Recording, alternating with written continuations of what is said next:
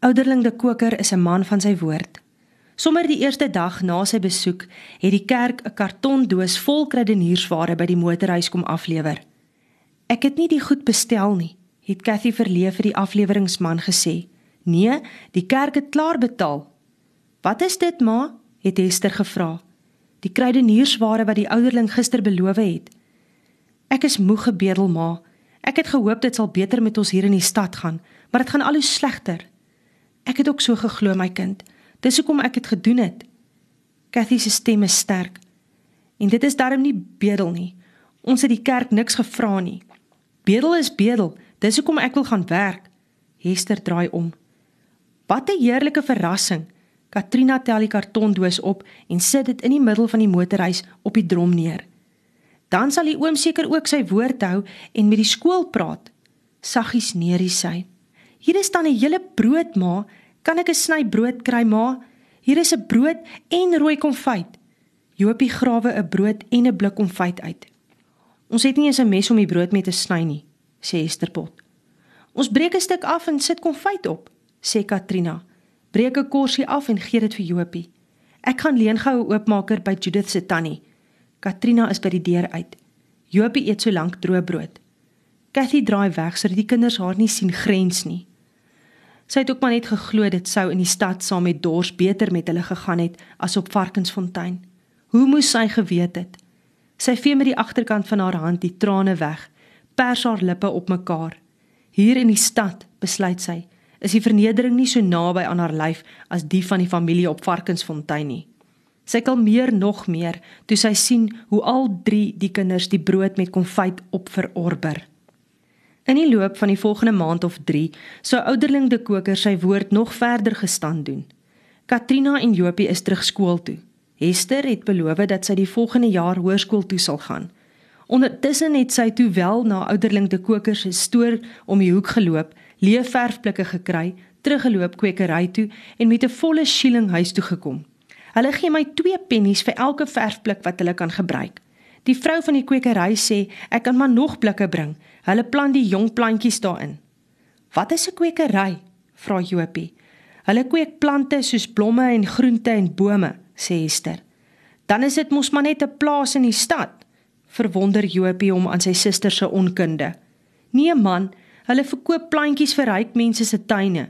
Dis nie 'n plaas nie, net vier groot erwe omtrent 'n hele straatblok. Eintlik is dit 'n baie groot erf met duisende plantjies in beddings en blikke. Hoekom koop hulle nie 'n plaas nie? Jopie word nie so maklik oortuig nie. Is hulle dan te arm? Beslis nie, verseker Hester hom. Julle moet hulle huis sien, groter as oom Henny se huis op die plaas. Dit lyk my daar's meer as een huis op die kwekery. Katrina se droom om by die kunswedstryd te sing word ook bewaarheid. Die skool sorg dat sy skooldrag vir die geleentheid het en sy kom stralend van die stadsaal in die stad af en skree by die deur. "Ma, ma, ek het goud gewen." "Verkoop dit," juig Jopie. "Nee man," lag Hester. "Dis net 'n papier waarop daar in goue letters staan Katrina het eerste gekom." Selfs die eerste Kersfees in die stad is in skrille kontras met die ellendige dae op Varkensfontein. Die kerk het meer as gewoonlik by die motorhuis afgelewer en toe hulle ou Kersaand om die eetgoedjies sit, wat op die skoon koerantpapier oor die drom in die middel van die garage uitgepak is, kom Hester nader met drie klein klein vierkantige pakkies, elkeen afsonderlik netjies toegedraai in 'n stukkie koerant. Ek het vir julle elkeen 'n Kersgeskenk gekoop. Sy sit die drie geskenkies voor elkeen neer. Geseënde Kersfees, sê sy. Jopie se geskenk is eerste oop. Chocolates, brul hy toe hy die pakkie oop het. 4 blokkies. Ek het nog nooit iets vir Kersfees gekry nie, sê Cathy en sluk die trane weg. Nie nou nie. En joune sis? vra Katrina. Ek eet nie eintlik chocolates nie. Ek het laasweek 12 blikke verkoop en 'n half kroon verdien en 'n blok sjokolade by Rafat gaan koop en dit presies in 3 gedeel. Dankie my kind. Cathy druk Hester teen haar vas en soen die ander 2 sjokoladeblokkies voordat sy buite in die donker gaan chunk en luister na die harmonieuse stemme van haar drie kinders wat stille nag in 'n garage in die stad sing, amper asof hulle die engele bokant Bethlehem is. Dit was nie Cathy Duisel se laaste huil nie, want vroeg in Januarie is daar 'n dowwe klop aan die oop garage deur en die vreemde vrou staan in die deur. Lank, so regop soos 'n riet en net so skraal. Cathy kan eers nie besluit of die vrou blond of spierwit grys is nie. En eers toe sy nader staan, sien sy dat die kort hare baie blond is. Langerige grys rok, plat swart skoene en 'n brilletjie wat haar gesig nog skraler laat lyk. Die blou handsakkie knyp sy teen haar heup vas. Nogal regtig 'n mooi vrou, seker so iewers in die 40, besluit Cathy. Mevrou Duisel, groet die vreemdeling innemend. Ja, Cathy ken die vrou nie, maar haar bietjie ervaring van die stad sê vir haar sy moet in haar pasoppens wees. Of is dit dalk een van die kerk se mense? Ek is Misha Fouché. Ek is van die welsyn. Cathy Duisel. Haar aanvoeling was dan reg, dink Cathy. Nie dat sy veel van die welsyn af weet nie, maar sy weet dit is dieselfde as die welfare waarvan Judy altyd praat.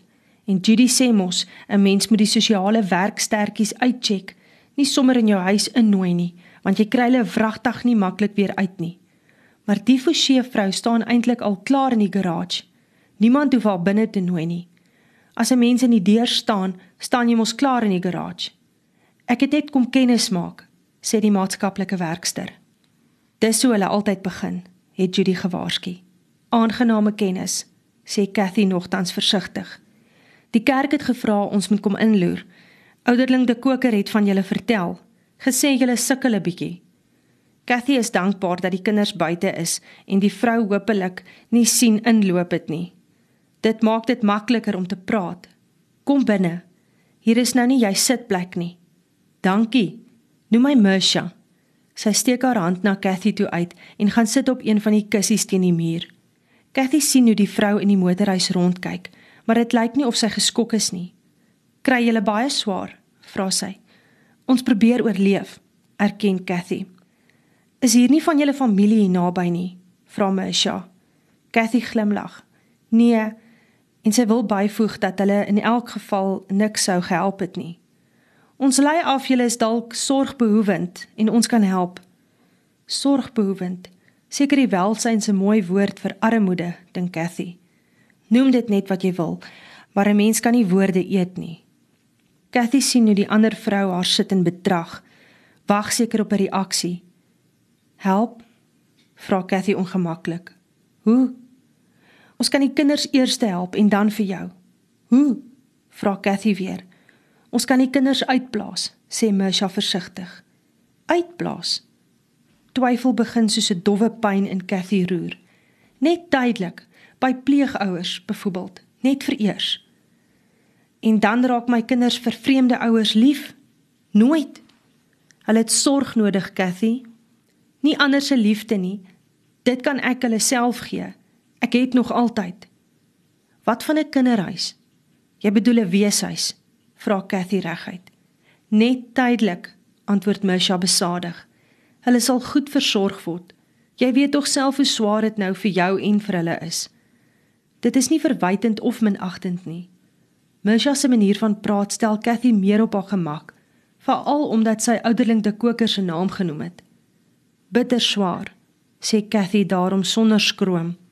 Vertel my, versoek Misha en sit haar handsak langs haar op die vloer neer. Sy luister. Sy luister voordat sy oordeel, dink Cathy. Cathy vertel asof sy met verligting van 'n groot narheid in haar ontslaa raak. Van Varkensfontein, die duisels en van Dors Ferreira. Misha onderbreek haar nie een keer nie. Ek het lankal geleer om my swaar kry weg te steek, maar dit is my kinders se swaar wat my snags laat wakker lê. Ek het soveel drome vir hulle gehad en dors en die stad het vir my na 'n nuwe droom vir die kinders gelyk. Sluit Cathy haar verhaal af, dankbaar dat sy met 'n simpatieke oor kan deel. Iemand wat luister sonder om kant te kies en veral sonder om tussenin te praat. Misha staan op, kom tot dig by Cathy en sit haar arm om haar. Ek wil help, bied sy sag aan. Hoe? Moenie skrik nie. As dit jou, maar veral die kinders sal help, kan ons die drie tydelik in pleegsorg plaas of in 'n goeie kinderhuis. Weeshuis bedoel jy? vra sy weer. Ons praat liewer van 'n kinderhuis. Die meeste inwonertjies is nie wees nie, verduidelik Misha. Ek weet darm nie, bly Cathy keer. Hulle kan gereeld vir jou kom kuier. Hulle bly daar net totdat jy self vir hulle kan sorg. Cathy staan effens weg. Sy sluk toe sy voel hoe droog haar keel is. Ons dink aan die kinders, Cathy. Dit is al waarna ek ooit dink, wil Cathy antwoord.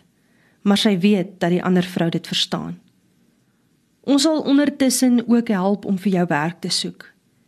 Ek ken net kombuiswerk, sê Cathy eenvoudig. Ons vat nie die kinders uit jou lewe uit weg nie. Ons probeer om saam met jou 'n oplossing te vind. Sy buig en tel haar handsak op. Raak aan Cathy se hand en loop deur toe. Dink daaroor. Ek is aan jou en jou kinders se kant. Dankie. Eers lank nadat die vrou weg is, begin Cathy weer dink en hoe langer sy dink, hoe meer lyk die moontlikheid vir haar na 'n oplossing. Tydelik, ter wille van die kinders.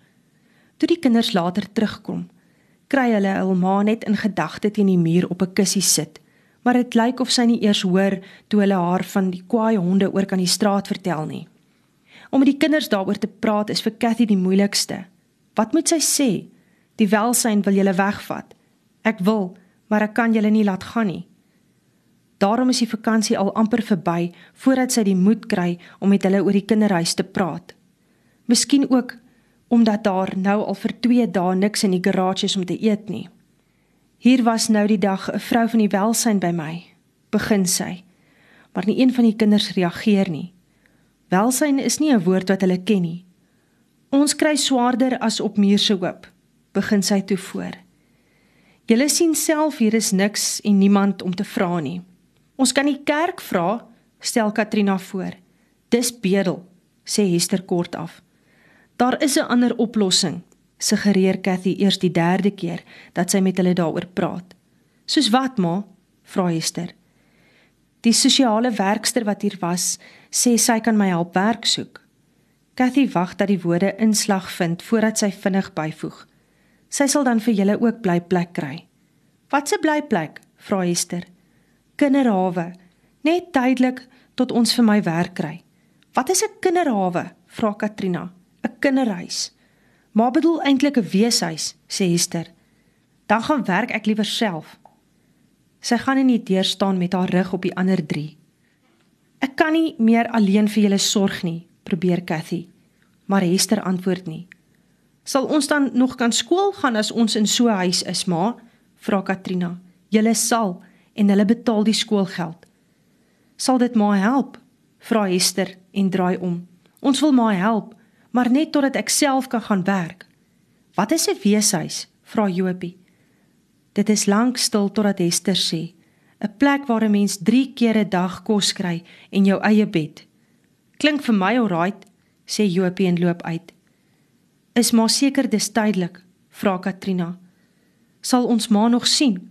Gereeld, volgens Misha Fouché, antwoord Cathy. Is sy die welsyn? vra Katrina. Sy is. Sal die Misha vrou my nie ook help om 'n werk te kry nie, ma? Ons kan haar vra, maar nie voordat jy klaar is met skool nie antwoord Cathy. 2 weke later is Misha terug. Het jy besluit? vra sy. Ek het nie 'n keuse nie. Het jy al met hulle daaroor gepraat? vra Misha en dit is duidelik dat sy na die kinders verwys. Ja. Ek dink dit is vir almal die beste as ons die kinders tydelik wegneem. Op 'n proefbasis na die kinderhuis toe uitplaas en julle probeer help om net weer op die been te kom.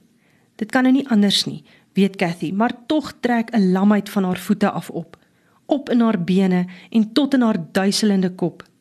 Die werklikheid is skielik soos 'n beklemming in die motorhuis. Cathy wil gaan sit. Dit voel asof sy kantel. Ek weet dit is die beste, maar ek weet nie of ek dit sal oorleef nie. Dit is vir julle eie beswil, sê Misha weer. Ek kan dit nie doen nie, fluister Cathy. Misha bly staan. Die kinders kom tot agter hulle ma. Het ma nou anders besluit? vra Hester en sit haar hand op haar ma se skouer. Ons kom reg, probeer Katrina troos. Dit is beter so. Ons wil julle help. Misha praat sag. En wat van my? vra Cathy. Loop sukkelend, voelend agteruit totdat sy die kussie agter haar voel. Wat van my? Ek verstaan hoe moeilik dit vir julle moet wees, liewe Cathy. En as dit nie uitwerk nie, maak ons 'n ander plan. Ek beloof. Misha kyk na die kinders. Julle sal kan skool gaan en ons sal help om vir julle ma werk en 'n beter blyplek te soek. En ek sal sorg dat julle kan kom kuier. Dit sal reg wees, sê Cathy. Eers toe die maatskaplike werkster weg is, hoor die kinders hulle ma huil soos wat hulle haar nog nooit gehoor huil het nie.